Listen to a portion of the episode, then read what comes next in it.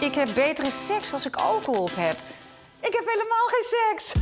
Ik heb wel een goede dronk. Ik drink eigenlijk altijd wel, elke dag. We hebben een flesje wijn gehad.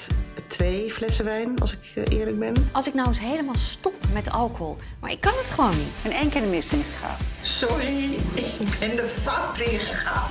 Ik vind het leven zonder alcohol minder leuk. Anita, uit jouw dagboek blijkt dat je iedere dag hebt gedronken. Dat is een slokje te veel, zeg maar. Antoinette Schilderman, wat was jouw laatste keer overgeven? Eh, dat moet een kerstavond zijn geweest. Als ik die verhalen hoor, we zijn gewoon allemaal alcoholist. Nou, gemiddeld kan een Nederlandse vrouw 3,5 glazen alcohol drinken zonder zich dronken te voelen. Ja, we hebben gewoon drie dagen in een bad Sauvignon gelegen. Haha.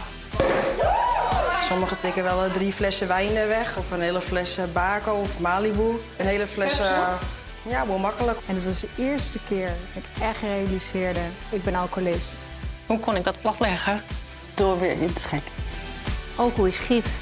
Punt. Ja,